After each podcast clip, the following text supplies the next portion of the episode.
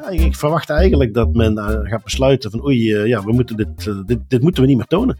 Um, het is toch iets waar men echt mee bezig is. blijkt uit het feit dat ik op mijn LinkedIn profiel kan zien dat het halve compliance team van KBC mij ondertussen raadpleegt. Dus ik weet dat ze in ieder geval de vraag zeker aan het bekijken zijn.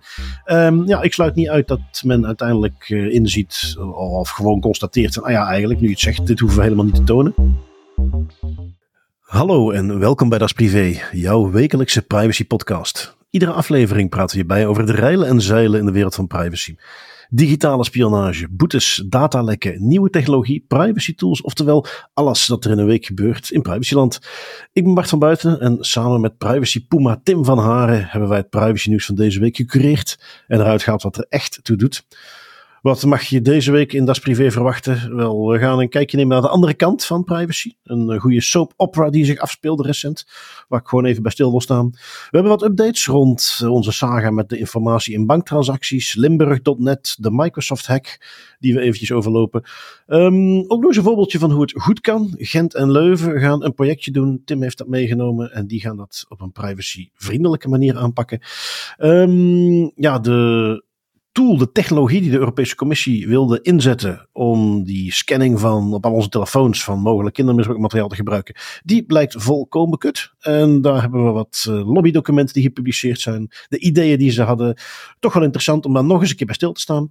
Uh, nou, dat en nog veel meer. Het is een aflevering, Tim. Wij gaan een beetje moeten opletten dat we er misschien gezwind doorheen gaan. Niet al te veel gaan ranten, want anders komen we er echt nooit doorheen deze keer.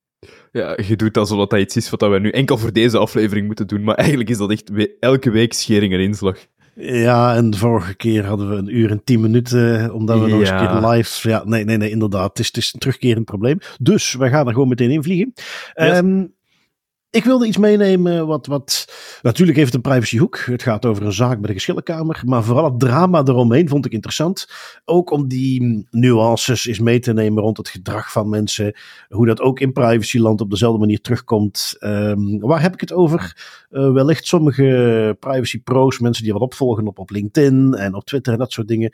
Die hebben een, uh, een post van Max Schrems voorbij zien komen. Max Schrems uiteraard bekend van Noip. Daar is hij de voorzitter van, bekend vanwege de uitspraken met Europees Hof die naar hem genoemd zijn. Dus uh, echt een privacy corrivee.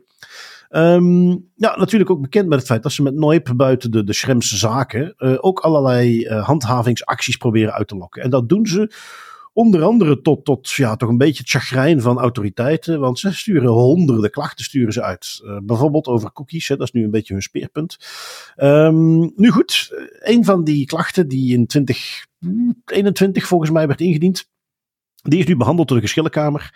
Um, ja, daar was Max niet blij mee, maar dat was nog niet, een, dat was niet de aanleiding voor zijn rant. Um, waar ging de rant dan uiteindelijk over? Uh, is dat hij zegt van ja, ik zit in een, uh, dat was een eh, CPDP Privacy Day um, ja, conferentie, een, een, een panel.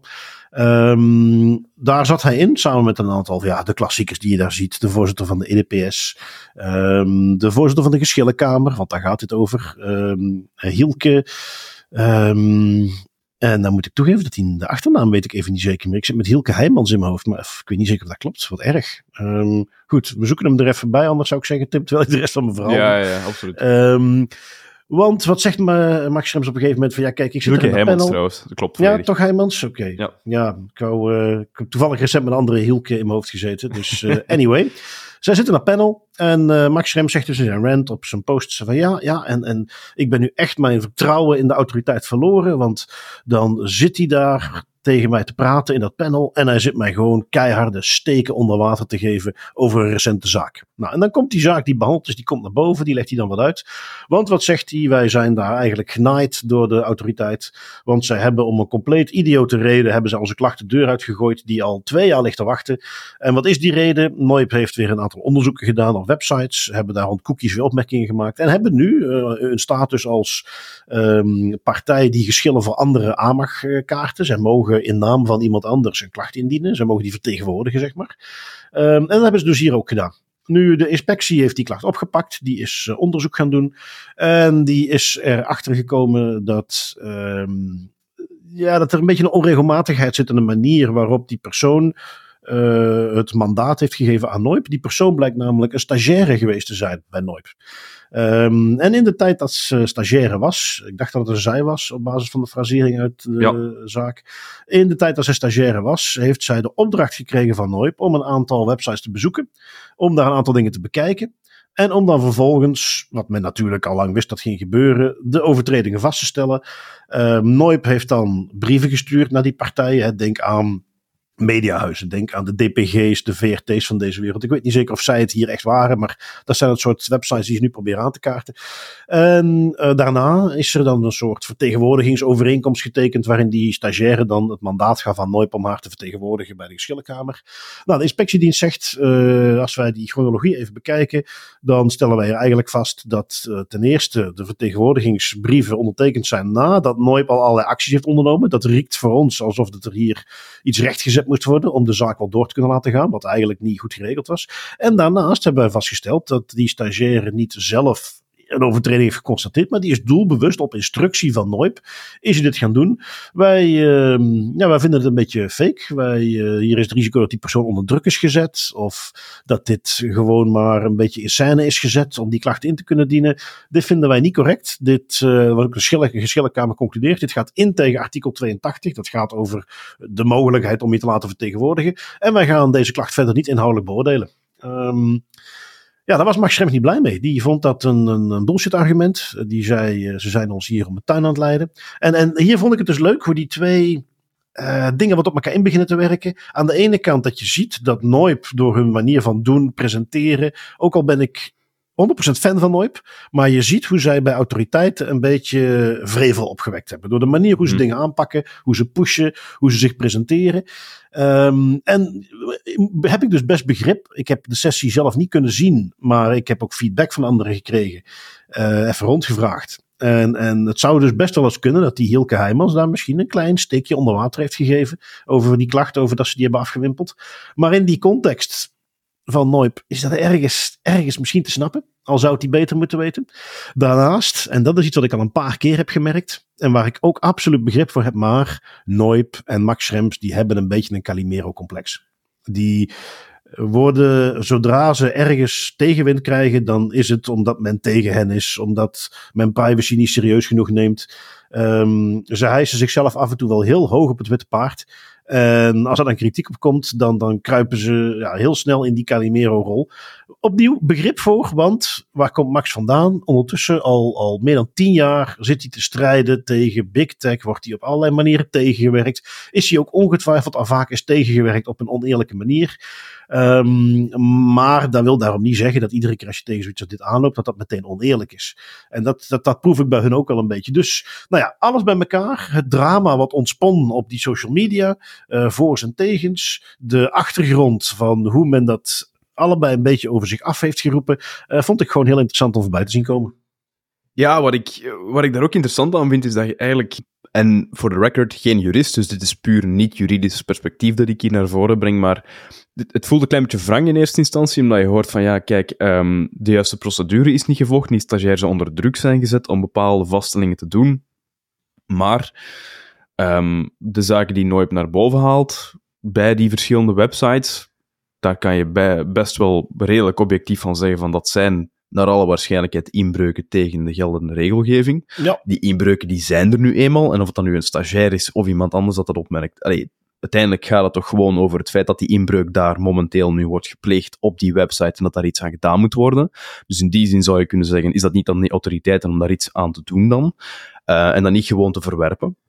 En aan de andere kant begrijp ik wel het argument dat je zegt, kijk, je hebt een belangenvereniging zoals Noip, die uh, ook zelf zeer hard en zeer luid pretendeert dat zij de belangen van de maatschappij voorop stellen en die ook behartigen en vertegenwoordigen. Um, dat het op den duur wel een klein beetje artificieel en bijna fake wordt als je dan vervolgens interne mensen moet gaan inschakelen om die belangen naar boven te brengen en, uh, en te gaan verdedigen. Als niemand anders ermee naar jou komt en je moet het eigenlijk intern gaan opnemen en een stagiair die die inbreuk laten vaststellen, ja, dat, dan snap ik wel dat dat een klein beetje wrang voelt bij die autoriteiten, um, dat ze het dan op die manier gaan aanpakken. Ja, kijk, wat ik hier jammer vind is dat wij weten allemaal, als je stagiair bent bij Noip, dan heb je met volle gusto heb jij die raadplegingen te doen. Het is niet alsof die daartoe gedwongen is, daar kunnen we nee, echt van uitgaan. Nee. Maar goed, uh, ja, interessant. En, en als je dus ook eens voorbij wilt zien komen op LinkedIn, kun je naar Max Schrems profiel gaan op Twitter en dan zie je het uh, voorbij komen. Ik heb niks gezien dat Hielke Heijmans behoefte heeft gevoeld om erop te reageren gaat waarschijnlijk ook niet gebeuren. Is waarschijnlijk ook de beste zet. Ik denk ook dat hij gewoon uh, een klein lolletje maakte in dat panel. En uh, zich niet bewust was van welke impact dat zou hebben op Max Schrems. Um, goed, um, gedenkend aan wat ik in het begin zei. We zullen er toch een beetje doorheen moeten gaan. Anders hebben we te weinig tijd. Gaan we dit even afsluiten. Maar kunnen we door segwayen naar een onderwerpje wat ook nooit gerelateerd is. Want het pay or OK dus kunnen websites gaan vragen van oké, je accepteert ons of cookies. Uh, je accepteert of onze cookies of je moet betalen om toegang te krijgen. Um, is iets wat nu zoveel voorbij komt dat men toch heeft besloten, daar gaan we eens heel serieus naar moeten kijken, geloof ik het. Hè? Ja, klopt. Het is de, de AP, de Nederlandse toezichthouder, die samen met de, ik geloof, Noorse en Duitse toezichthouders de armen in elkaar slagen en samen naar de European Data Protection Board, dus eigenlijk dat overkoepelende orgaan dat toeziet op uh, alle privacy-autoriteiten in Europa. Um, die zijn naar, naar de EDPB gestapt om eigenlijk daar um, duidelijkheid te vragen over het pay-or-okay-model, zodat er vanuit een Europees niveau een standpunt komt over dat model. Um, omdat de AP zegt van ja, kijk, en dat is een quote die ook in het artikel staat, wat ik best wel mooi vind om het samen te vatten. Ze zeggen het is belangrijk dat de bescherming van je privacy niet alleen goed is geregeld wanneer je hiervoor genoeg geld hebt. Privacy is uiteindelijk een grondrecht dat iedereen in gelijke mate moet beschermen. En ik, ik volg dat, dat standpunt ook wel. Het is van zodra je iets moet gaan betalen, uh, zodat jouw privacy beter gewaarborgd wordt, of zelfs überhaupt gewaarborgd wordt gewoon, dan zit je in een uh, heel gevaarlijk en slippery slope model. Ja. Dus ze zijn daarmee nu naar de ERPB gestapt en die gaat binnen acht weken daar een standpunt geven over die kwestie, wat zij zelf vinden van het pay or okay model. Nou, ben ik zelf ook heel benieuwd naar. Um, wat hebben we nog als updateje? Uh, ja, die uh, adresgegevens in bankrekeningtransacties. Um, ja. Ehm, dat begint nog interessant te worden. Um, ik uh, heb natuurlijk naar, uh, want ik heb dus, ja, wel dus die vraag van luisteraar gekregen, Thibaut, nog eens bedankt, want dit is toch echt een interessante. Um, ik ben er gaan aanvragen bij KBC, die konden dus eigenlijk niet goed de wetgeving aanduiden waarin dat dan exact zou staan. Um, dan ben ik eens gaan bevragen. Via LinkedIn heb ik gewoon een vraagje gelanceerd. Uh, ik heb daar aardig wat reacties op gehad. En blijkt nu dus dat dit sowieso een Belgisch fenomeen is. In Nederland gebeurt dat überhaupt niet. Daar zie je het helemaal niet in bankrekentransacties. En ook binnen België zijn er ondertussen een aantal banken uh, die het gewoon niet doen. Um, België schijnt dat helemaal niet te laten zien. Um, BNP heb ik tegenstrijdige signalen van gekregen, wat ik een beetje um, ja, lastig vind. Want als je dat appje opent en je klikt erop, dan is toch eenduidig te zien of die wel of niet een adres meegeeft. Maar mm. goed, daar, daar, kreeg ik tegenstrijdige signalen. Maar in ieder geval, er zijn dus meerdere banken die dat gewoon niet doen. Uh, VBK, VDK, een bank waar ik nog nooit van gehoord had, moet ik toegeven. Uh, maar meer ethisch uh, bank, een beetje Triodos uit Nederland, maar dan in België denk ik. die doen het zowel voor de ontvanger als de betaler, dus die doen het nog wat extra. In ieder geval, hier zie je dus zelfs in België tussen de verschillende banken verschillende implementaties. Wat mij dus doet denken, dit is echt een overblijfsel vanuit tijden waarin het adres nog veel belangrijker was. En um, ik, uh, ja, ik verwacht eigenlijk dat men gaat besluiten van oei, uh, ja, we moeten dit, dit, dit moeten we niet meer tonen. Um, het is toch iets waar men echt mee bezig is. Uh, blijkt uit het feit dat ik op mijn LinkedIn profiel kan zien dat het halve compliance team van KBC mij ondertussen raadpleegt. Dus ik weet dat ze in ieder geval de vraag uh, zeker aan het bekijken zijn. Um, ja, ik sluit niet uit dat men uiteindelijk uh, inziet of gewoon constateert van, ah ja, eigenlijk nu je het zegt, dit hoeven we helemaal niet te tonen. En nou ja, dan hebben we als Das Privé weer de wereld een beetje beter gemaakt. Dus daar kijk ik naar uit. Al is het maar om ook gewoon te horen waarom het toch wel kan. Ook goed, maar bottom line, iets voor DPO's, privacy professionals die luisteren om mee te nemen. Die waarom-vraag. Waarom doen we dit? Zelfs bij iets wat kennelijk al jaren zo gebeurt, dat blijft zo belangrijk. Dat is, dat is de gouden vraag voor, voor DPO's. Daar lost ook. Eh, daar, daar krijg je zoveel mee los binnen de organisatie en daar los je ook vaak heel veel problemen gewoon al mee op door die vraag te stellen. Iets waar ik trouwens nog heel benieuwd naar ben, om er ook een beetje de vaart in te houden, want my god, we hebben gigantisch veel updates deze aflevering, is uh, de garantie. Italiaanse autoriteit, die ehm, heeft een tijdje terug in, volgens mij, maart 2023, mhm. als ik me niet vergis, hebben die een tijdelijke ban gezet op uh, ChatGPT, de tool van de chatbot van OpenAI. Um, omdat ze toen met GDPR-concerns hadden, privacy-concerns. Ze hebben die ban dan op een bepaald moment gelift en gezegd van oké, okay, uh, we zullen het verder bekijken, jullie mogen verder jullie activiteiten uitvoeren. Nu komen zij met een moet ik toegeven, redelijk mysterieus en vaag bericht, waarin dat ze zeggen van, wij hebben GDPR-inbreuken vastgesteld bij OpenAI's ChatGPT-platform. Um, OpenAI heeft nu 30 dagen de tijd om die, uh, die breaches die zouden zijn vastgesteld, om, om daar een weerwoord tegen te geven. En dan, naar alle waarschijnlijkheid, zal er hopelijk um, meer informatie naar buiten komen. Dus dat is iets dat we gewoon gaan opvolgen, want het is de ja. die eigenlijk nu gewoon heel mysterieus heeft gezegd, er zijn breaches en that's it. Ja, ja, ja. ja. Oké. Eh, ja, dan hebben we Limburg.net. Toch nog eens eventjes extra meenemen. Um, is iets meer bekend geworden. Vooral hoe ze gehackt zijn. Uh, blijkt namelijk een Open RDP-server te zijn. Hm. Um, ehm, RDP is iets wat ik vroeger nog heel veel gebruikt heb. Toen ik consultant was van een ERP-pakket. En dan gingen we op afstand. Dan hebben we het over, ja, wat is dat? Tussen 15 jaar geleden of zo. Uh, gingen wij inloggen op hun servers. En dat was via een RDP-verbinding. En dat was iets waar we toen al van zeiden van, goh, is dat wel iets wat gewoon open en bloot via het internet bereikbaar moet zijn? Moet ik gewoon een IP-adres in kunnen tikken? En, en, dan kom je dus terecht op een, een login-scherm van Windows, op afstand natuurlijk. En daar kun je gewoon op inloggen met een gebruikersnaam en wachtwoord. En dan zit je in een virtuele Windows-omgeving op een van de servers bij de organisatie waar je probeert in te loggen. Um, heel simpel gezegd, zonder in, in uh, helemaal in al detail dat proberen uit te leggen. Het komt er dus op neer dat jij via het internet open toegankelijk iets hebt staan waar je wel met een gebruikersnaam wachtwoord moet inloggen. Maar iets waar je al meteen aanvoelde mm toen al van goh, is dat nu wel zo'n goed idee? Nou, Limburg.net had dus nog zo'n open RDP login staan. Hier doe ik een kleine aanname. Dat is dat het zij door het gewoon te proberen, brute force hack, het zij met logingegevens die ze ergens vandaan hadden. Maar Medusa, de ransomware groep, is dus via die OpenRDP binnengekomen. Nadat ze eerst portscanning hadden gedaan. Portscanning is, uh, nou ja, als we het zouden moeten vergelijken, dan is het dat je in de straat rond gaat lopen en gewoon aan iedere deur waar je voorbij loopt eventjes trekt om te kijken of die open staat. Um, nou, dat is wat ze dan virtueel hebben gedaan. Nou, die port stond dus open. Zo kwamen ze op die login uit. Die uh, zijn ze doorheen gekomen. Um, bottom line, en, en, en niet om uh, Limburg.net, die al op de grond ligt, nog een paar trappen na te geven. Maar dit is gewoon redelijk basic security. Dit, dit is niet goed geregeld. Eigenlijk hoort zo'n RDP-server niet open en bloot op het internet te staan. Nou, zo zijn ze dus binnengekomen. Ondertussen, dat vond ik nog een interessante, de VTC, de Vlaamse Toezichtcommissie, de Vlaamse tegenhanger van onze GBA.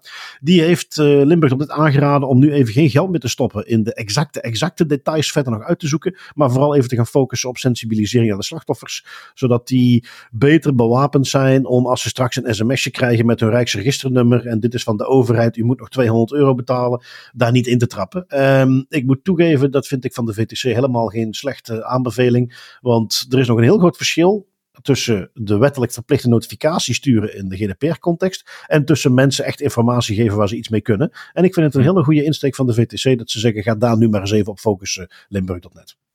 Ja, absoluut. Dat is, dat is wat ook al wekenlang ontbreekt in dit verhaal. Hè. Het, het idee dat de slachtoffers um, weten wat er op hun afkomt, hoe dat de situatie exact in elkaar zit voor, voor hun specifiek scenario. Um, dat is keer op keer wat naar boven komt van dat mist nog. En dat is dus ja, heel goed dat ze daar nu ook op hameren. En als ze eigenlijk zelf zeggen, dat vind ik, vind ik een, een, een maar eigenlijk ergens ook volledig correct, van stop maar met geld te stoppen voorlopig in meer forensisch onderzoek en meer de gedetailleerde rapportering. Ga eens kijken naar uw slachtoffer en naar uw userbase. Ja, nee, absoluut. En ja, om dan nog een klein beetje te blijven hangen in wat uh, meer techniciteiten. Um, we hadden vorige week hadden we het al over de hack van Microsoft. Die uh, ja, serieus uh, geowned waren. Toegang tot corporate mailboxes, dat soort dingen. Um, toen hadden wij in de publicaties zien staan password spraying. Dus met andere woorden, gewoon door mm -hmm. een gebruikersnaam wachtwoord kreeg men die toegang. Nou, toen zeiden wij al van wauw, bij Microsoft en ik weet dat ik volgens mij zelf nog een beetje speculeerde van, nou, dit zou misschien wel eens te maken kunnen hebben met iemand in corporate die heel makkelijk toegang wilde. Um, nou, dat was toch aanzienlijk te kort door de bocht. Um, zelfs bij Microsoft uh, zou men toch dan wel gezegd hebben van nee, nee, dat kan niet. Het ligt iets genuanceerder. Um, het is namelijk die, die login die ze vonden, die kwam leiden tot een testomgeving waar een zogenaamde OAuth app stond. uit een, een oude testomgeving, OAuth-app. Um, om het simpel te houden, hoe moet je een OAuth-app zien? Als ik op allerlei websites kom en op een gegeven moment ik kan zorgen dat uh, een, een krantenwebsite die kan op mijn Twitter-account publiceren als ik een artikeltje wil delen. Of ik kan datzelfde doen als ik uh, LinkedIn ergens wil configureren dat een andere website of een andere app kan posten via LinkedIn. Wat wil ik voorkomen? Dat is dat ik in al die apps mijn LinkedIn-wachtwoord in moet geven. Dat, dat doe ik liever niet. Wat ik ze liever doe, is ze gewoon uh, bij wijze van spreken een kaartje geven. Van kijk, dit kaartje is gemaakt door LinkedIn. Jij kunt zeker weten dat dit, uh, als je dit kaartje laat zien aan LinkedIn, dan gaan ze vertrouwen dat jij het door mag. En daarvoor hoeven jullie mijn wachtwoord niet te hebben. Je krijgt gewoon een, een ander soort geheim. Dat is in dit geval dat kaartje. En je moet dat zien als. Uh, in plaats van dat jij aan iedere discotheek waar je binnen zou willen je identiteitskaart moet laten zien, dat ze die opschrijven, uh, krijg jij gewoon van de overheid een kaartje waarop staat: joh, als Bart jou dit kaartje laat zien, dan is het in orde. Dan vertrouwen wij dat. En dan kan die, deur, die wachter bij de deur zeggen: oké, nou ja, ik weet niet precies wie je bent of wat je rijksregisternummer is, maar hey, dit kaartje is voor mij goed genoeg, kom maar binnen. Um, lang verhaal kort. Die app die maakt het dus mogelijk om dat soort kaartjes te genereren. En de hackers hebben met die toegang zichzelf kaartjes verschaft tot allerlei mhm. andere applicaties, die dus op zich wel goed beveiligd waren. Het is die, die test OAuth app die hier het probleem was. En dat er ergens zo'n test app rondslingerde, is nog steeds security gewijs niet goed. Maar is in een organisatie met de omvang van Microsoft um, ja, al iets wat. wat je beter kunt verklaren. Ik zag ergens op eh, Twitter ook iemand die aangaf van oh, en, en, en jouw organisatie heeft zeker wel een perfect overzicht van al die uh, legacy appjes die nog rondzwerven. Um, dus Microsoft had dit nog steeds beter op orde moeten hebben, maar het was al aanzienlijk begrijpelijker. Dus nou ja, goed, als je één ding onthoudt, ik denk ook even terug aan de discussie die ik daar in de community mee had um, over Microsoft en security. Uh, is dit gelukkig een voorbeeldje van Microsoft die het nog steeds niet goed voor elkaar had, maar toch aanzienlijk beter dan dat we eerst dachten. En dan wilde ik toch ook even meegeven. Um, nu, dan gaan we even verder met uh, ja, wat we toch af en toe ook eens willen doen. Een goed voorbeeldje. Um, ja. Jij hebt iets meegenomen, Tim. Een projectje van Leuven en Gent. Die gaan nachtlawaai detecteren, geluidssensoren. Dat kan helemaal fout gaan, maar ze hebben het kennelijk toch op de goede manier gedaan. Ja, absoluut. Hè. Je zou kunnen denken van oké, okay, nachtlawaai. Eh, steden zoals Leuven en Gent, ja, dat, we weten het allemaal, zijn in eerste plaats ook vooral studentensteden. Ook uitgaansplaatsen, s s'nachts is dat uh, zeker in de uitgangssteden en de studentenwijken, daar is best veel lawaai, er is best veel te doen, dat is plezant, maar dat is niet zo leuk voor de mensen die in die uitgangsbuurt en in het centrum van de stad wonen en ook moeten slapen om de volgende dag terug lekker fris naar hun werk te kunnen gaan. En die steden struggelen daar al een tijdje mee. Van hoe kunnen we dat nu eigenlijk aanpakken? Um, ze hebben al geprobeerd om overal camera's te hangen, uiteraard. Uh, politie ter plaatse laten komen. Met niet echt het gewenste effect, heb ik het gevoel, zoals ik het uit het artikel haal. En wat men dus nu gaat doen, is men heeft, uh, het is specifiek de stad Leuven, en nee, stad Leuven en stad Gent moet ik zeggen, die gaan het nachtlawaai aanpakken met geluidssensoren en lichtprojectors, wat dat ik een bijna futuristisch cool idee vind. Dus hoe dat je dat eigenlijk moet zien is, je hebt een aantal sensoren die worden geplaatst in een straat waar men van weet van dat is een straat waar dat echt veel rumoer is s'nachts en waar heel veel klachten van binnenkomen van de bewoners. Um, die sensoren die gaan ook voor zover ik uit, dat, uit het artikel kan afleiden, geen uh, gesprekken opnemen of echt per se ja, het geluid zelf opnemen en daar achteraf iets mee gaan doen. Die gaan eigenlijk gewoon meten wat is het uh, piekgeluid, wat is de geluidsterkte, het aantal decibels. Mhm. En die kunnen ook, en dat is wel interessant, die kunnen ook afleiden of het uh, geluid afkomstig is van muziek, verkeer of mensen. Dat wil natuurlijk niet zeggen dat dat per se wordt, wordt opgeslagen en bijgehouden voor een langere periode. Je kan ook gewoon on-device uh, dat soort analyses gaan, gaan toepassen. Door gewoon te kijken naar, oké, deze geluidsgolven komen overeen met luid verkeer of luide muziek.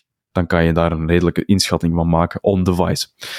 Um, en dat is dus interessant dat men op die manier dat wilt gaan doen. Daar wordt eigenlijk een ander systeem ook aan gekoppeld. Namelijk, als er wordt opgemerkt dat er een te hard geluid ergens in een bepaalde straat aanwezig is, dan komt mhm. er een projector die eigenlijk een uh, boodschap op de straat projecteert. Waar bijvoorbeeld staat van hier slaapt iemand of hier uh, is een baby, uh, whatever. Heel generieke boodschappen. Om op die manier de mensen te sensibiliseren, te proberen om dat, eigenlijk, dat geluidsniveau naar beneden te halen. Um, dus eerst en vooral een privacyvriendelijkere optie. Dan je zou zeggen van we gaan dingen gaan opslaan of we gaan dingen gaan doorsturen naar verschillende servers, dit en dat. Dat lijkt hier niet het geval voorlopig. Um, En wat interessant is om te zien is, die camera's, die politie, heeft duidelijk niet het gewenste effect. De stad Leuven die heeft zo'n testscenario gedaan waar ze in de Naamse straat die geluidssensoren en die projectors hebben, hebben geïnstalleerd. Mhm. En dat was een succes. Dat heeft geleid tot uh, een daling van 30% van de klachten in verband met geluidsoverlast. Dus ook weer al een mooie boodschap die daaruit komt en een mooie les, denk ik, is misschien de volgende keer niet te veel grijpen naar de camera als uh, de gebruikelijke technologie om dat soort zaken tegen te gaan, omdat het blijkbaar toch niet zo goed werkt. En meer gaan kijken naar dingen die één, vanuit een privacy-perspectief beter zijn, maar het ook blijkbaar efficiënter oplossen. Ja, nou ja, kijk, uh, laat me een lessen uittrekken. Uh, wat ik dan extra leuk zou vinden is als men vanuit Leuven en Gent dat misschien als een soort best practice ook eens ja, wat naar buiten brengt. Schrijf er eens over, maak er een blogje over, ja. beschrijf eens hoe je het gedaan hebt in detail. Dat andere steden daar ook mee aan de slag kunnen. Um, misschien dat het iets is wat intern wel gedeeld wordt, hè, maar uh, ja, pak er eens mee uit. We zeggen Het vaak, is iets- ik bedoel, wij, wij mekkeren vaak genoeg als ze het niet goed doen. Dus pak er ook eens mee uit als je het wel goed hebt aangepakt, zou ik zeggen. Ja, dit is een project dat ook ehm, zowel door de Vlaamse als door de Europese eh, instanties gesteund wordt en gesubsidieerd wordt. Dus ik vermoed dat hier ook wel een soort rapporteringsverplichting aan, aan vasthangt. Vooral intern dan. Maar inderdaad, Ja, eh, wel, het dat idee is van het. pak er extern mee uit, dat, dat Ja, moet gewoon precies. meer gebeuren. Hè. Precies, eh, een belangrijk deel van, van de, de, de huiverachtigheid die men vaak heeft als het gaat om overheid en gegevens, is omdat er zo vaak naar buiten komt hoe slecht ze het doen. Je kunt natuurlijk ook tegenin gaan door af en toe eens laten merken hoe goed het op veel plekken gaat. Want om dat dan officieel toch ook eens gezegd te hebben, ik, ik werk ook veel voor eh, overheid, ook Vlaamse overheid. En die doen ook heel veel goed. Die zijn heel veel bezig met privacy. Eh, dat doet me trouwens denken als klein eh, plugje voor een van de volgende. Ik ga nog eens een keer een, een Das Privé discours opnemen met de mensen van het Bureau voor Digitale Veiligheid. Eh, van de Vlaamse overheid. Dus een, een, een, een ja, interne afdeling met alleen maar DPO's eh, die daar heel erg mee bezig zijn. Ondertussen geen kleine afdeling. eh, Dus gaan we eens even vragen hoe, hoe het ermee gaat, hoe ze het allemaal doen. Ehm, interessant, verwacht ik ook maar. Of nog- nogmaals, bewijs nog maar eens dat die er dus ook echt wel mee bezig zijn. En dat mag ook eens gezegd worden, inderdaad. Ehm, wat heb ik nog meegenomen? Eh, het Sesam-voorstel vanuit de Europese Commissie is gelukkig nog eventjes geparkeerd, maar het is zeker nog niet weg. Dat moet opgevolgd blijven worden. Eh, maar is eventjes weggestemd voorlopig. Maar dat ging dus over, wij willen toegang krijgen tot iedereen zijn telefoon, alle beelden kunnen scannen, eh, actief op onderzoek gaan naar mogelijk seksueel misbruikmateriaal. Er zijn nu weer nieuwe documenten gelekt, ehm, waar weer een aantal interessante dingen uitkomen. Eh, zonder dat we er weer te lang over gaan praten, maar er waren toch weer een paar dingen waarbij ik dacht van...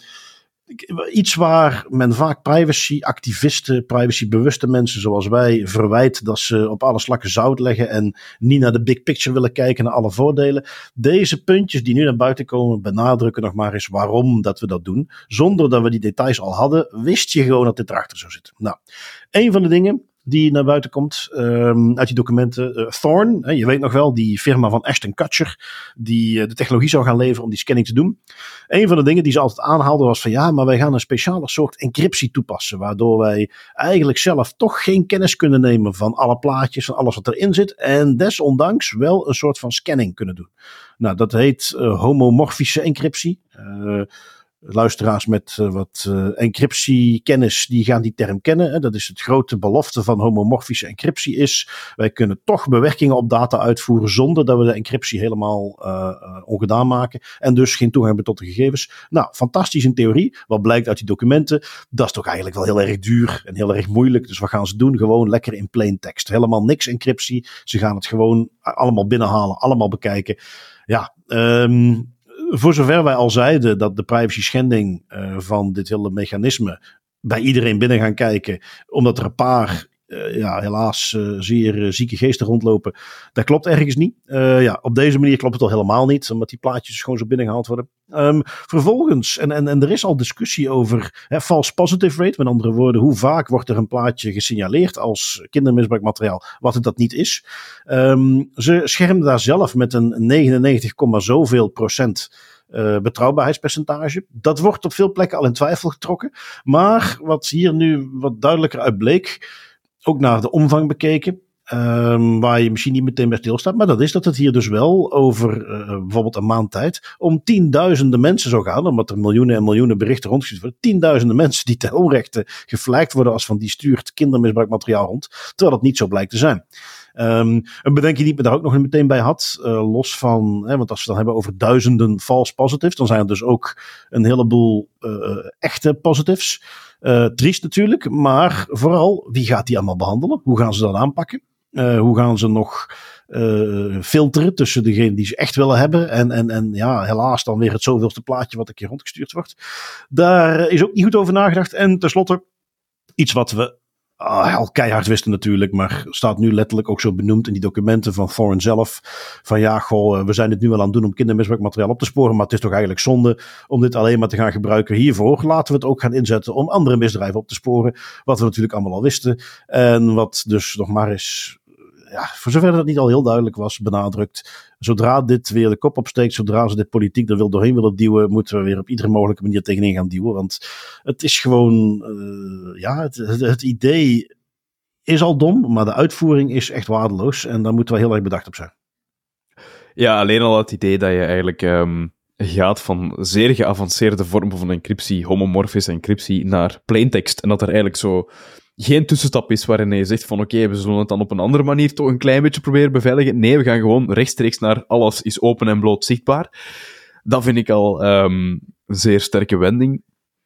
En dan ook, ja, um, dat is weinig verrassend natuurlijk. Helaas, jammer is dat weinig verrassend eigenlijk, maar het idee dat dat inderdaad voor een bepaald doeleinde wordt gebruikt en dat men daar alle mogelijkheden in ziet om dat ook voor andere doeleinden te gaan gebruiken, wat ook vaak wordt aangehaald als ja, als een risico. En waar dan langs de andere kant de mensen die pro dit initiatief van zeggen van nee, dat, gaat niet gebeuren, je moet je daar geen zorgen over maken. Het probleem is dat het, het is zeer moeilijk om, om dit soort technologie en de mensen erachter en, en de initiatieven erachter te vertrouwen als je keer op keer ziet dat je een hand geeft en zijn arm proberen te nemen.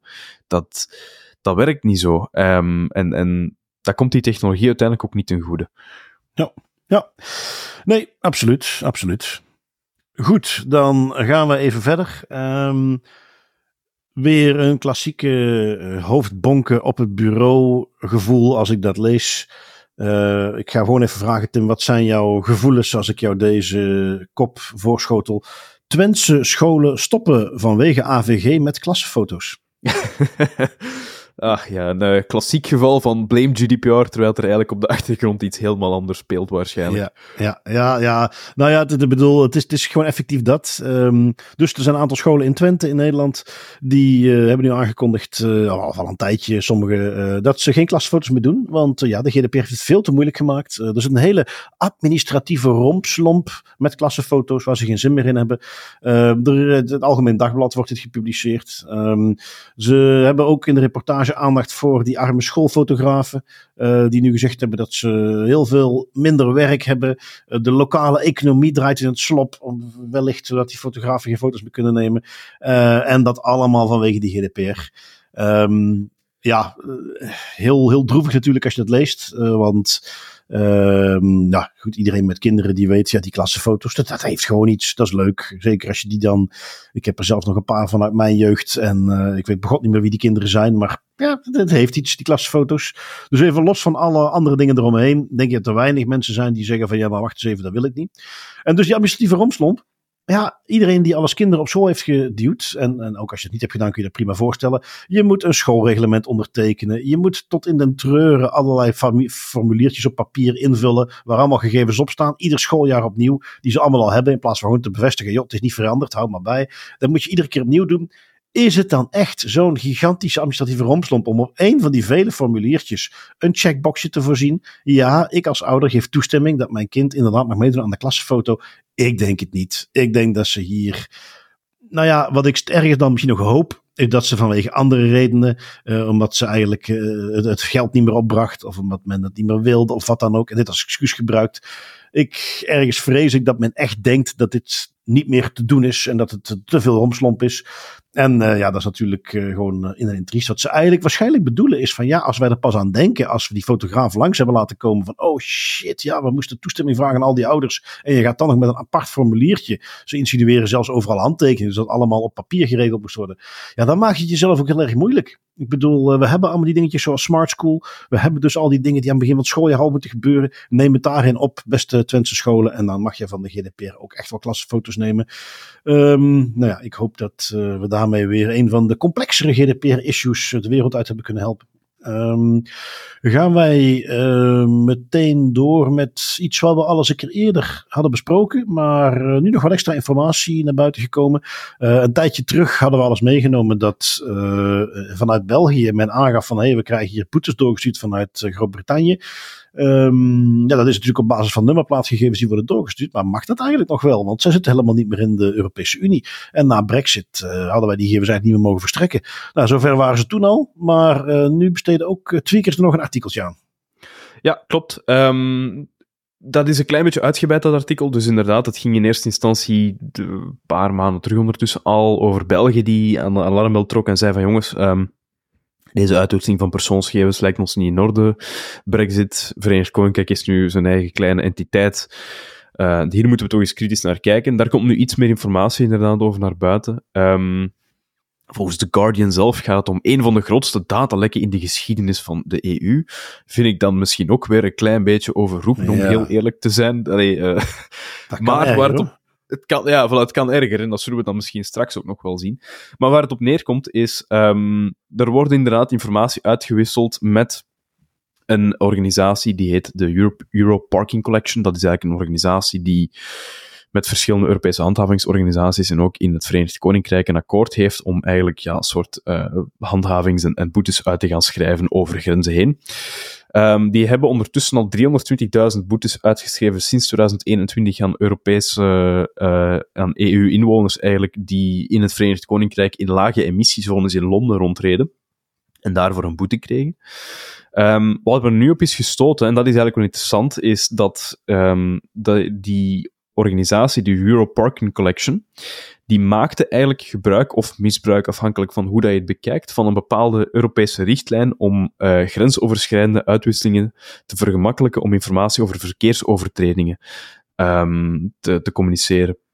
Het probleem is daar, die Europese richtlijn die is alleen van toepassing op misdrijven, niet op uh, inbreuken met betrekking tot milieuregelgeving en milieuzones. Wat dat eigenlijk geen misdrijven zijn.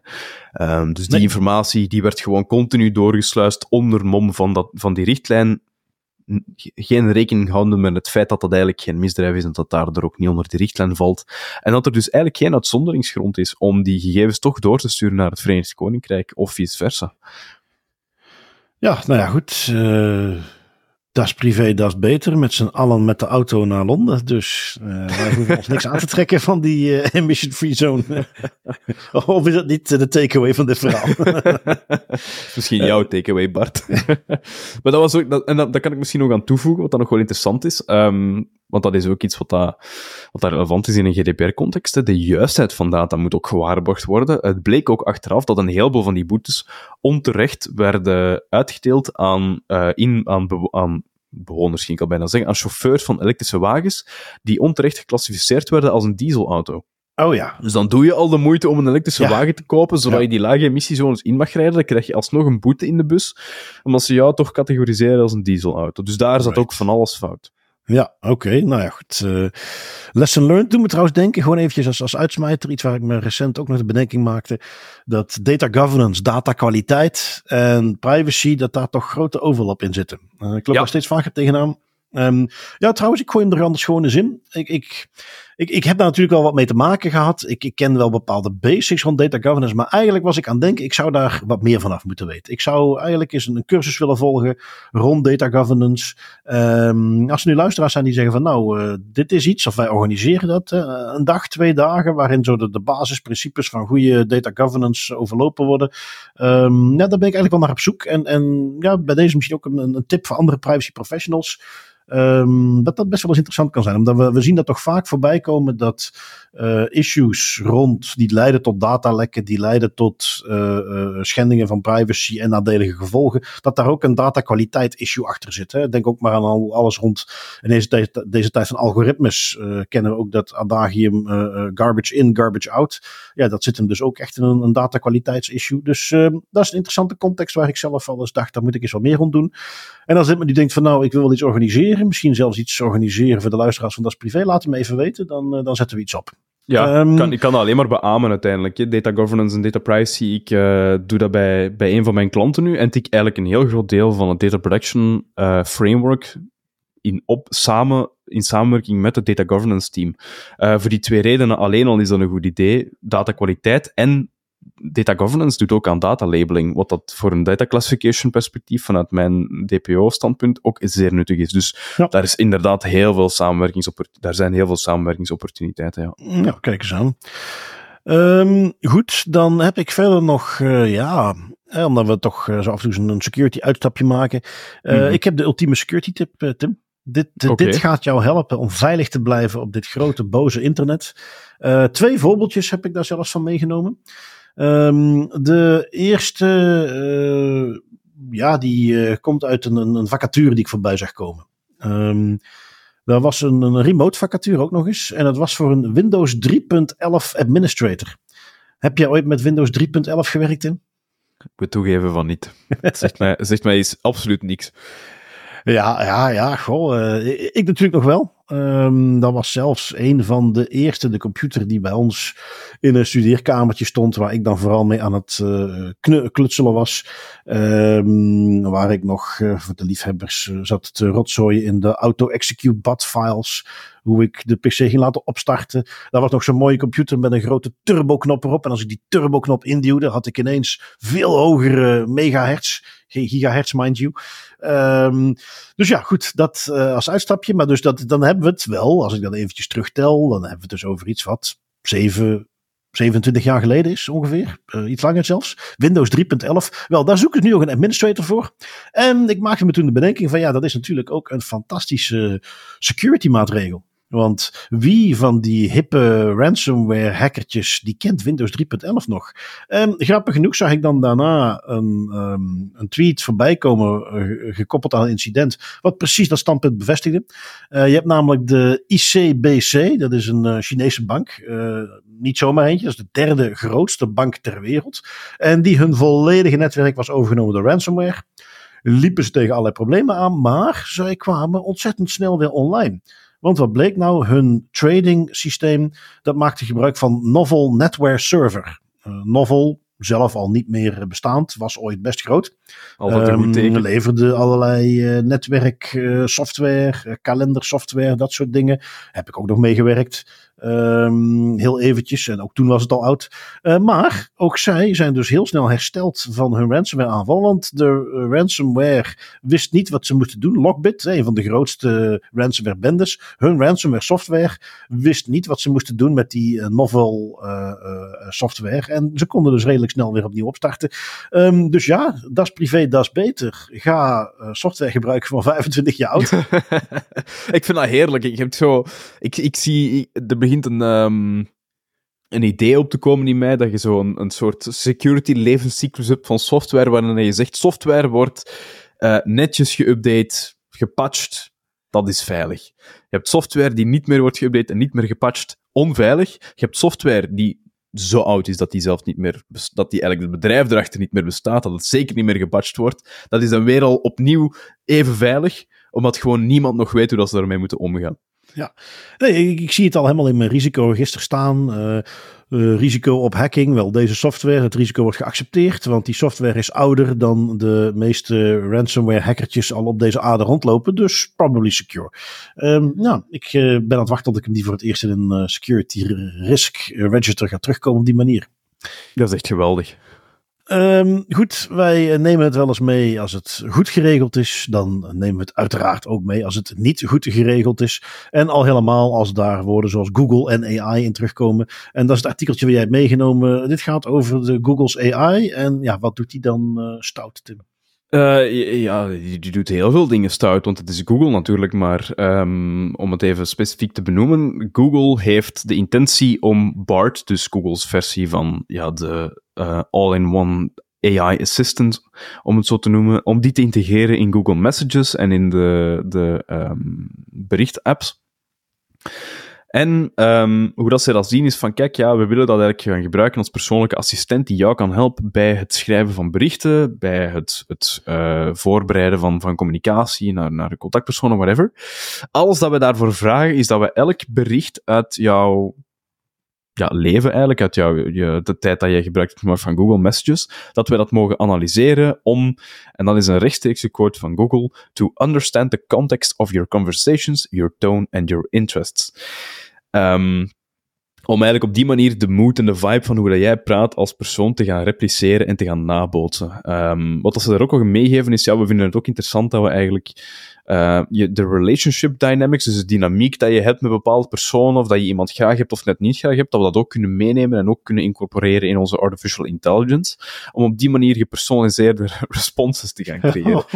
en dat is, dat is zo um, dystopisch, maar er, er zijn heel veel dingen aan verbonden. Eigenlijk zouden we hier een uur over kunnen babbelen, over deze ene paragraaf, want er zijn zoveel punten waar ik van denk, dat is dat, vanuit een juridisch perspectief zijn er problemen. Um, want bijvoorbeeld de AI-act verbiedt expliciet artificiële intelligentie die um, op een bepaalde manier ja, um, menselijke interactie wilt nabootsen, zonder dat dat duidelijk is dat die persoon effectief mm. weet dat er een artificiële intelligentie in zit. Nu, hoe ga je dat doen als je een messaging, messaging app integreert met je artificial intelligence platform? En je dus op die manier artificieel gegenereerde berichten gaat sturen naar je mama, naar je vriendin, naar je collega op het werk, terwijl die persoon geen flauw idee heeft dat Google Bart erachter zit en niet jij, dat zie ik al een gigantisch probleem. Uh, maar dan ook ja, de data die daarvoor nodig is om, om die droom, bij wijze van spreken, van Bart, om dat waar te maken, of de nachtmerrie, ja. dat is hallucinant. Ja, en zeker. er is natuurlijk wel te snappen hè, dat je een bedrijf met zo'n robuuste reputatie voor het bewaken van privacy toegang zou willen geven tot al je gegevens, al je berichten. Ik vraag me ook af hoe hij dat dan uh, precies gaat doen. Hè. Ik bedoel, uh, stel dat ik uh, een paar, een appje gebruik, enkel en alleen om zo om de maand nog eens naast die berichtjes naar mijn ex te sturen. Ehm, gaat hij dat dan ook meenemen? Gaat dat de toon bepalen van de berichten die ik stuur? Gaat hij daarmee dan ook zeggen van, oh ja, dat is kennelijk ja. hoe Bart schrijft. Dus nou ja, goed, bericht naar de werkgever. Um, ja, goed. Uh, zoveel vragen, zoveel vragen. En vooral zo weinig mensen die ik denk die gaan zeggen van, oh ja, doe maar. Um, alhoewel met dat ik het zeg, er zijn natuurlijk techno-optimisten genoeg die uh, helemaal voor zich zien hoe dit hun leven alleen maar makkelijker gaat maken. Die niet liever zouden doen dan dat allemaal uh, geregeld hebben door Google. En die mogen dat helemaal zelf weten. Dat is het mooie van privacy. Maar um, ik ga het voorlopig niet activeren. Dat kan ik wel zeggen. Um, al ben ik volgens mij uh, ja, al, al, sowieso heel erg gegoogeld. Uh, ik gebruik volgens mij niks van Google. Waarbij ik meteen erbij moet zeggen dat ik natuurlijk heel goed bewust ben dat iedereen die ik mail, dat waarschijnlijk 50% daarvan op Gmail zit. En dat er op die manier mijn gegevens natuurlijk nog steeds op allerlei manieren bij Google circuleren. Maar goed, ik heb in ieder geval zelf geen telefoon of account of dingen meer. Um, die dat doen. En, en, en ja, als ik dit soort berichten voorbij zie komen, dan heb ik daar nog geen spijt van. um, Wat hebben wij nog? Um, ja, zoals je weet, we hebben het graag over het betere spionagewerk. De uh, dynamics die bestaan tussen de verschillende entiteiten, China, Amerika. Uh, maar zoals we dus recent ook voorbij hebben zien komen, uh, ook de Europese politiek, nationale politiek, die is een doelwit van Chinese spionage. Um, nou, dat is iets wat nu toch langzaamaan begint dat een beetje mainstream te worden om het daarover te hebben. En, en ik was er aan twijfelen, zou ik hem als privacy pointer meenemen, maar ik, ik, vond het toch gewoon te interessant om het er ook kort even over te hebben. Uh, want de VRT heeft dus een, vond ik best een, leuk artikeltje, waarin ze, uh, het heet dan, moeten we nog meer op onze hoede zijn voor Chinese spionage. Um, voor het eerst zien we dat toch eens gewoon voorbij komen van ja, ja, natuurlijk moet je daarvoor op je hoede zijn. En, en we doen daar eigenlijk veel en veel te weinig aan. En ze laten een aantal mensen aan het woord komen. Ze geven bijvoorbeeld aan, ja, de premier De Croo heeft recent een reis naar China gemaakt. Um, en daar ging hij uh, zeker ook eens aankaarten wat er was gebeurd rond uh, die politicus van Vlaams Belang, Frank Krijlman. Uh, heeft er aangegeven dat hij not amused was, volgens het artikel van de VRT. Ik weet zeker dat het heel veel indruk heeft gemaakt in China.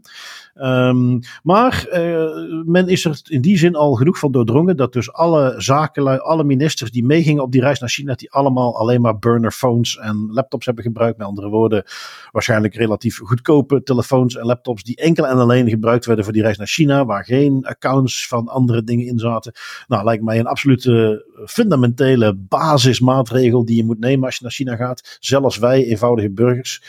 Um, en nou goed, ze, laten een professor aan het woord die nog eens benadrukt van ja, dit is, dit is uh, hoe het werkt. Uh, ze leggen even de link met Taiwan. Ja, uiteraard iemand die een beetje geopolitiek volgt, die weet dat er nogal wat spanningen zijn tussen China en Taiwan. China die Taiwan als een afvallige provincie ziet, die zo snel mogelijk geannexeerd moet worden. Taiwan die daar net iets anders naar kijkt. Maar in Taiwan, naar eigen schattingen van inlichtingendiensten van Taiwan, verblijven er tussen de 100.000 en 200.000 Chinese spionnen in Taiwan. Die op een heleboel manieren, van influencers tot gepensioneerde generaals, op allerlei manieren proberen om informatie te winnen of, of uh, meningen te beïnvloeden. Um, nu goed, dat is Taiwan, daar gaat men dan natuurlijk wat verder in. Maar, maar dat soort technieken worden dus ook bij ons toegepast. Um, je, je, je, ze verwijzen ook eventjes naar die eh, consulaire agenten, dus van die uh, gestationeerde consulaire vrijwilligers, die dan hier eigenlijk een soort politiekantoortje runnen, die dus zelf dingen opsporen en Chinese burgers aanspreken die te veel kritiek hebben vanuit Europa op China. Um, voor de rest, en dat vond ik dan ook nog wel interessant, ja, een van de professoren trouwens die ze aan het woord laten, Jonathan Holslag, die we hebben het al vaak eens gehad hè, over hoe dat tot stand komt, hoe ze jou proberen binnen te harken. Um, nou, hij geeft dus ook aan van ja, hoe dat bij hem gebeurde. Toen hij een eh, keer uh, voor het eerst naar Shanghai ging, kreeg hij bij zijn afscheid gewoon een dik gevulde enveloppen met dollarbiljetten, zegt hij. Onder het mom van ja, dat is het begin van onze samenwerking. En dat was dan geen, geen keiharde omkoping in de zin dat hem gewoon gevraagd werd om geen kritiek te leveren op China. En, en als er iets interessants voorbij kwam, om dat even door te sturen. Ja, zo begint het uiteraard. Um, overigens, misschien dat de VRT die quote eraf gehaald heeft. Maar men benoemt op geen enkele manier of Jonathan die eh, envelop met geld wel of niet heeft geaccepteerd. dus dat vind ik nog wel interessant. Um, ten slotte, en dat, dat vind ik ook leuk om even te zien, want dat ja, bevestigt nog maar dat het dus wel werkt. En we hebben een zekere Yves Le Terme, nou niet bepaald onbekend natuurlijk, hè, de, de voormalig premier. Uh, die werkt nu voor een Chinees investeringsfonds en het zal jou niet verbazen dat die eigenlijk best positief is over China. En dat die aangeeft van ja, we moeten er allemaal niet zo overdrijven en daar is toch allemaal niks mis mee. En uh, ik ben van oordeel dat de sociaal-economische vooruitgang die China de afgelopen decennia heeft geboekt, een van de meest positieve ontwikkelingen is van na de Tweede Wereldoorlog. Wereldoorlog. Um, nou ja, je kent die uitspraak wel, hè? Wiens brood men eet, wiens woord men spreekt. En zo werkt het ook uh, als het geld vanuit China komt. En dat bewijst Yves de Terme nog maar eens. Dus ja, interessant. Het linkje staat uiteraard in de show notes. Lees het dus helemaal door. Maar ik vond het gewoon uh, weer leuk om te zien en te lezen hoe dat nu echt wel wat duidelijker begint te worden dat we ons er tegen moeten wapenen. En dat die beïnvloeding, uh, dat de, wat is dat de link met privacy natuurlijk, de continue zoektocht naar data die Chinese inlichtingendiensten doen om mensen te identificeren die ze kunnen gaan beïnvloeden, dat is, dat is echt een dingetje. En daar moeten we bedacht zijn. Ja, die, die typische uh, Chinese quid pro quo politiek waar men zegt van, ah, als jij iets doet voor ons, dan doen wij ook iets voor jou. Dat is, uh, dat is typisch. En eigenlijk, ja, is dat zo anders dan de lobby's die we zien in de Verenigde Staten of in Europa. Niet alleen is het daar wel heel transparant en uh, heel boven tafel, zou ik zeggen. Maar inderdaad, het is iets waar je gewoon in het algemeen op, op moet letten. Hè. En, en um, waar niet altijd, denk ik, genoeg aandacht voor is, of waar zo'n soort ridicule rondhangt van moet ik mij daar nu eigenlijk zorgen rond maken? Wel, vanaf een bepaald moment dat je in een, functie terechtkomt met een bepaalde hoeveelheid macht of kennis of toegang tot informatie, denk ik dat dat wel iets is wat op je radar terecht moet komen. Ja, precies. En uh, ja, kijk, wie weet Tim, dat uh, de Das Privé podcast zijn invloed uitbreidt en dat de manier hoe wij continu over China praten, dat wij op een gegeven moment ook eens benaderd gaan worden. Wie weet, snoepreisje naar Shanghai, uh, een vlogje meekrijgen. Zak met dollars. mm, bij deze officieel, dat gaat niet werken. Um, dan gaan we door naar wat datalekjes. Uh, er komt er eentje naar buiten, een, een Nederlands lab, die toch wel een beetje data gelekt heeft. Tim, je hebt hem meegenomen op security.nl stond die. Wat heeft dat corona testlab allemaal gelekt? Klein lekje, 1,3 miljoen records, eh, moet kunnen. Um, waaronder ook 100, bijna 120.000 coronacertificaten, afspraakdetails, testmonsters, een half miljoen testmonsters. Dus ja, dat was wel wat. Um, op die certificaten stond onder andere uh, ja, naam, nationaliteit, paspoortnummer, testresultaten, um, soort uitgevoerde test. Gevoelige gegevens, um, daar zijn we het allemaal over eens. Helaas speelt hier veel meer, namelijk het, uh, het gaat hier over, moet ik eens even spieken wat het de naam nu ook alweer was, coronatest.eu. Ah nee, coronalab.eu. Uh, wat een organisatie is die, die die testen uitvoert en dan vervolgens die certificaten uitgeeft, die zijn um, op een bepaald moment aangesproken door een onderzoeker, een security researcher, Jeremiah Fowler. Die heeft gezegd, jongens, jullie zitten met een gigantisch lek, jullie hebben een databank die ergens um, onbeveiligd gewoon open en bloot staat waar iedereen op kan. Drie weken lang heeft die man geen feedback gekregen van het bedrijf. Hij heeft er naar proberen bellen, heeft niet gewerkt, heeft er verschillende mails naar gestuurd, heeft ook niet gewerkt. En op een bepaald moment was hij het zo beu dat hij gewoon naar de cloud hosting provider van dat bedrijf is gegaan en heeft gezegd: Jullie hebben een databank die open staat, die moet nu dicht. En gelukkig, dat cloud hosting bedrijf die waren wel beter bij de pinken en die hebben dat meteen gedicht. Maar dat zegt heel veel als de organisatie die uiteindelijk verantwoordelijk is voor het gebruik van die persoonsgegevens, dat die zelfs niet antwoorden, dat die geen enkele reactie, zelfs vandaag de dag, uh, naar buiten durven sturen. En dat die man dan uiteindelijk naar de cloud hosting provider moet gaan, wat dat een derde partij is die eigenlijk gewoon die gegevens host. Ja. Om ervoor te zorgen dat die gegevens, dat die databank gedicht wordt en dat die niet zomaar publiek beschikbaar meer is. Ja, dat is gewoon tekenend voor een, een, schrijnend gebrek aan kennis en awareness. En dan komt zoiets binnen, dan is er waarschijnlijk paniek in de tent bij coronalab.eu. Zijn ze zich wel ervan bewust, maar denken ze achter, dit is gewoon een of andere overijverige eh, security figuur. We gaan dat gewoon negeren en dan gaat dat probleem vanzelf wel weg.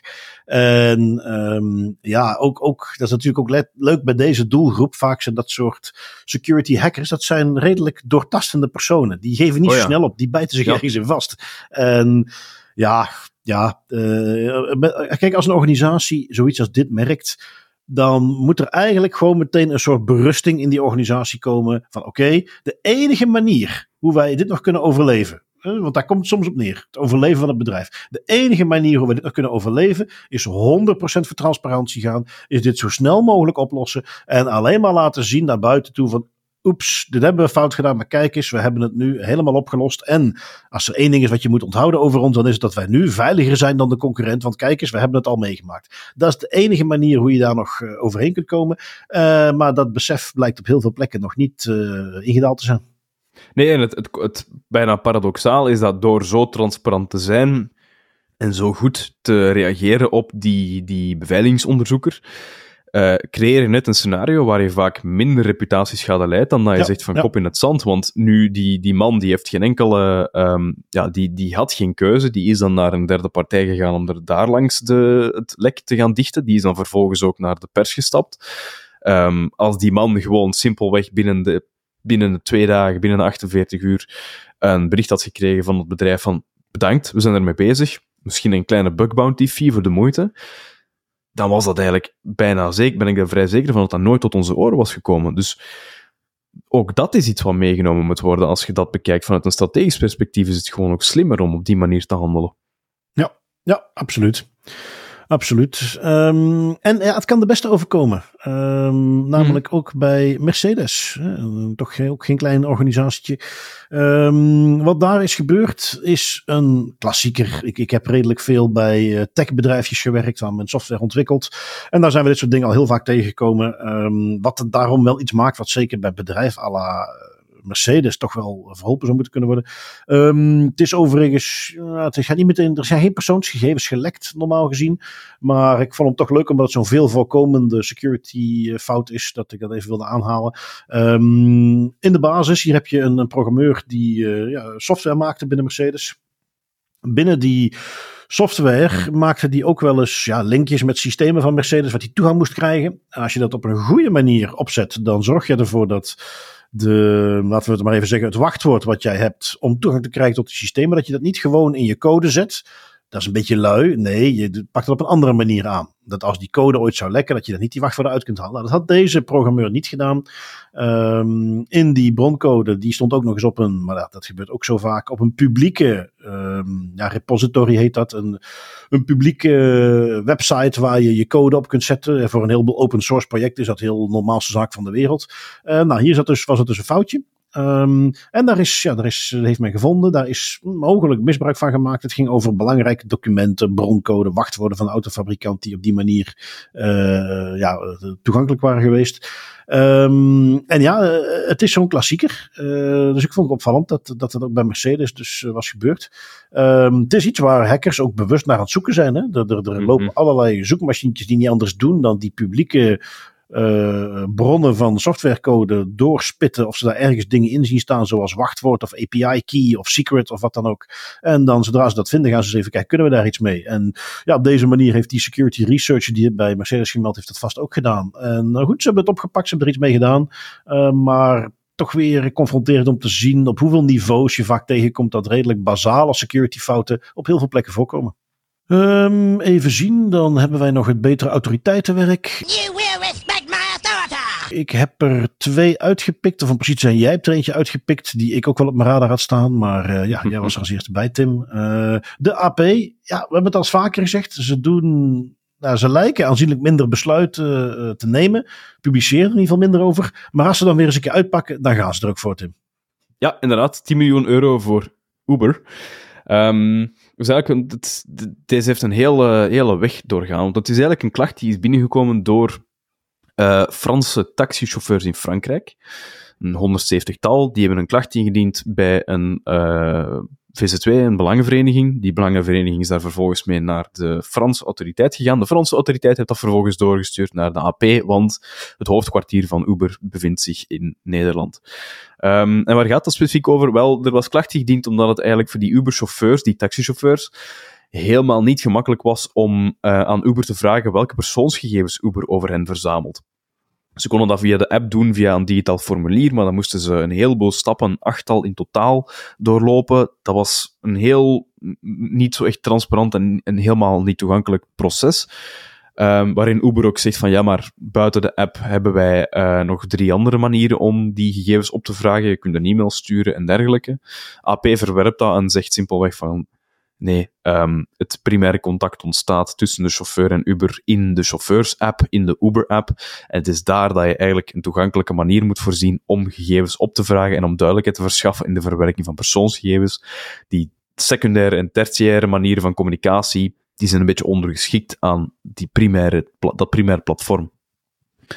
Um, als je dan een inzageverzoek uitstuurt, als je dan toch die hele romslomp aan stappen doorloopt in de app, uh, dan krijg je een, een CSV-bestand waar niks van uitleg bij staat, waar een hoop informatie in staat, waar je als gemiddelde taxichauffeur helemaal niks mee bent. En het is alleen in het Engels, terwijl het hier gaat over Franstalige chauffeurs. Ook iets waar de AP bij Uber aan hekelt en zegt van, kijk jongens, um, eerst en vooral de informatie die je mee moet geven zou eigenlijk idealiter in een, in een verstaanbaar formaat moeten zijn rekening houden met de doelgroep en um, ook rekening houden met de doelgroep, niet alleen in het Engels. Als je dat doet naar Franse chauffeurs, dan moet dat in het Frans. Doe je dat naar Spaanse, dan moet dat in het Spaans. Um, dus daarvoor krijgen zij een boete van 10 miljoen euro.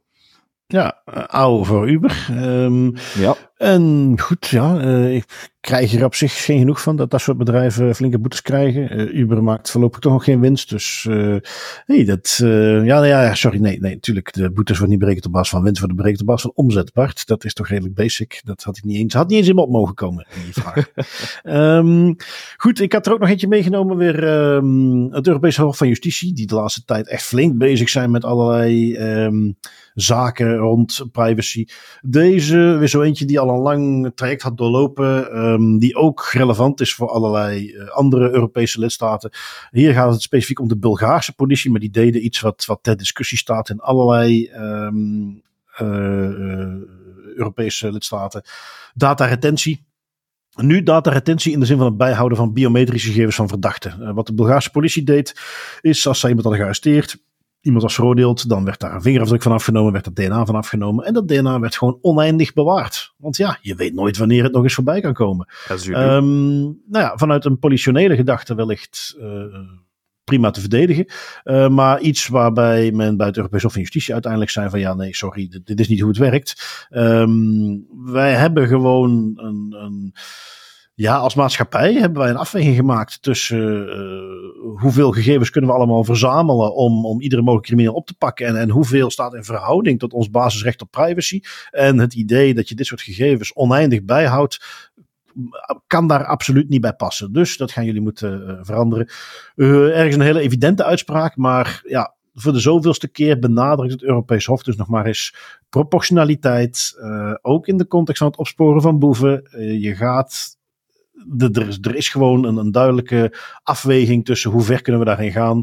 Hoe belangrijk vinden we het om boeven op te vangen. En dat vinden we in ieder geval niet zo belangrijk dat wij van iedereen die ooit een keer gearresteerd is gaan bijhouden. Dingen zoals DNA-gegevens en biometrie. Daar moet een, grens aan zitten. En uh, ja, dat vond ik in die zin uh, een uh, heel voorspelbare, maar toch goede uitspraak die we nog eens vaker zullen gaan gebruiken, denk ik. Het kan niet genoeg gezegd worden, en zeker niet door entiteiten zoals het Europees Hof voor Justitie, um, omdat dat eigenlijk alleen maar ervoor zorgt dat er een breder landschap ontstaat en een betere verstandhouding, ook tussen de verschillende toezichthouders, van kijk, dit is wat we wel kunnen doen, dit is wat we niet kunnen doen. Dus ja, ja heel mooi. Oké, goed. Nou, dan gaan we nog eventjes naar een paar privacy pointers. Tim, wat heb jij meegenomen? Uh, ik heb echt eentje meegenomen voor de diehard uh, professionals, de DPO's en onder ons, de privacy officers. Het is een overzicht van AI-tools, de meest gebruikte, dus ChatGPT, Copilot, de ChatGPT-integraties met Microsoft. Um, en in hoeverre dat zij compliant kunnen zijn vanuit een data protection perspectief. Het is een overzicht dat is opgemaakt door David Rosenthal. Moet ik meteen bij zeggen, is een, um, volgens mij een Zwitserse advocaat hyperjuridisch perspectief geeft hij vaak. Um, soms ga ik ermee akkoord, soms denk ik van misschien iets te juridisch en te theoretisch. Maar ik vind dit overzicht wel heel nuttig, omdat je daar eigenlijk in de basis kan gaan kijken welke compliance tools bieden die AI-oplossingen nu eigenlijk aan. Hebben die een verwerkingsovereenkomst? Hebben die terms of services waar je naartoe kan gaan, waar je naar kan verwijzen? Hebben die de mogelijkheid? Is het vanuit zijn perspectief um, mogelijk of logisch dat je daar persoonsgegevens in kan gaan verwerken of niet. Dus het is een goede start en een goede basis als je als DPO afvraagt van oké, ChatGPT of Copilot of BART of dit, kan ik daar nu eigenlijk werk van maken om, daar, om dat voor mijn organisatie te voorzien dat zij daar geldig gebruik van kunnen maken binnen de context van de GDPR-wetgeving. Ja, ik zal je de, de, de Too Long Didn't Read anders even meegeven. Als je er maar genoeg voor betaalt, dan is het eventueel te gebruiken binnen een organisatie. Ja. Uh, Daar komt het neer. De versies nooit. Ja. exact. Um, wat heb ik meegenomen? Um, een, een, een, ja, gewoon interessant. Um, om het in de woorden van Reddit te zeggen, het zat in de categorie interesting as fuck. Um, is altijd wel een leuke categorie. Um, wat is dit? Het is iemand die heeft een GoPro meegesmokkeld op de straten van Noord-Korea, van Pyongyang. En dat is dus gewoon een, een heel aantal minuten lang gewoon een, een beeld van goh, hoe ziet het er eigenlijk uit in Noord-Korea. Ja, dat is weer zo'n zo'n dingetje van mij. Ik vind dat altijd machtig interessant om, om daar, ik heb daar allerlei documentaires over gezien en, en, en het leven in Noord-Korea. En dus dit vond ik gewoon interessant. Dus uh, nou ja, met dat wij dat de laatste tijd wat uitbreiden, dit wilde ik graag meegeven. Ergens zit hier natuurlijk best een, een privacyhoek in, want met die GoPro is kijk de enige manier hoe je daar wat beelden van mensen kunt verzamelen. Um, en die zijn nu gepubliceerd. Dus ja, dat, dat is gewoon leuk om even naar te kijken. Um, ja, heel samengevat. Je ziet eh, allerlei verouderde eh, auto's. Uh, het is veel minder druk op de straten. Er rijden veel minder auto's. Het is allemaal een beetje communistische architectuur. Uh, ja, de dingen die je mag verwachten. Uh, maar toch vond ik het een heel leuke. Um, ik heb één nog wat pragmatischere. En in die zin is het ook wel echt weer voor de, de die-hard privacy mensen.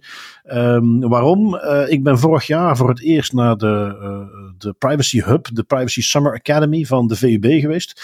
Um, omdat ik, ja, ik, ik, zocht naar een opleiding waar ik nog eens toch iets bij kon leren. Niet dat ik nu zo geweldig ben, maar de meeste opleidingen zijn toch voorzien op mensen met een wat lager ervaringsniveau dan ik. Um, en deze vond ik echt goed. Uh, ik heb me dus ook absoluut voorgenomen, dat is een hele week. Ik heb niet iedere sessie bij kunnen wonen, maar ik heb er zeker veel aan gehad. Um, uh, dus ik heb mij zeker voorgenomen om daar ook dit jaar weer naartoe te gaan. En dat is dit jaar van 1 tot 5 juli. Uh, in de zomer dus. Um, en je kunt je nu aanmelden om daarvan op de hoogte gebracht te worden als ze dat helemaal openstellen. Ik heb me daar meteen al eventjes op aangemeld, want uh, ja, de plaatsen zijn beperkt. Maar ja, ik kan het dus aanraden en, en ik moet echt wel meegeven, dit moet je niet doen als je net een jaartje in privacy zit. Niet dat dat niet interessant is, maar dan ga je gewoon dingen voorbij zien komen. Dat ik zou zeggen, er zijn uh, pragmatischere dingen, nuttigere dingen die je mee kunt nemen, waar je veel meer aan hebt in je werk uh, dan dit. Maar als je echt de verdieping op wilt zoeken op een aantal onderwerpen, dit jaar hadden ze AI als een van de speerpunten. Wat ze dit jaar gaan doen, weet ik niet, maar er zal ongetwijfeld wel weer een stukje AI binnen zitten. En ik vond het gewoon ontzettend interessant. Dus ik raad iedereen aan die daar mee bezig is om zich al even aan te melden, dat je tijdig die inschrijvingen binnenkrijgt. Niet zoals bijvoorbeeld het event van de GBA, wat volgende week plaatsvindt, waar ze een maandje van tevoren aankondigden, als je straks goed gaat zoeken, dan kun je ergens een inschrijflinkje vinden. Um, wat ze ergens wel even bewust deden, want er waren maar 65 plekken en die waren ongetwijfeld zo ingenomen. Um, mocht er iemand luisteren trouwens die daar volgende week is, dan, ja, wacht, ben ik me nu Tim. Dan gaan we even onze best moeten doen om de podcast eruit te krijgen tegen dan. Nee, nee, nee. goed, dat komt wel goed, dat ehm, komt wel goed. Dan heb ik jou misschien gezien op dat event, laten we het zo zeggen. Uh, en uh, ja, dat, dat, dat zijn mijn uh, privacy pointers. Dus de Pyongyang video en een linkje om op de hoogte gehouden te worden als je kunt inschrijven voor de VUB Privacy Summer Academy, die ik van harte aanraad. En Tim, dan hebben wij ons zeker niet gehouden aan, we moeten het binnen een uur afronden. Maar ik vond dat wij de goede balans hebben gevonden om er toch een hoop doorheen te krijgen met uh, gepaste diepgang. En dan wil ik jou en onze luisteraars weer bedanken om uh, weer naar ons te luisteren en mee te doen. En uh, spreek ik jou volgende week weer. Ja, zoals altijd Bart, veel plezier en tot volgende week.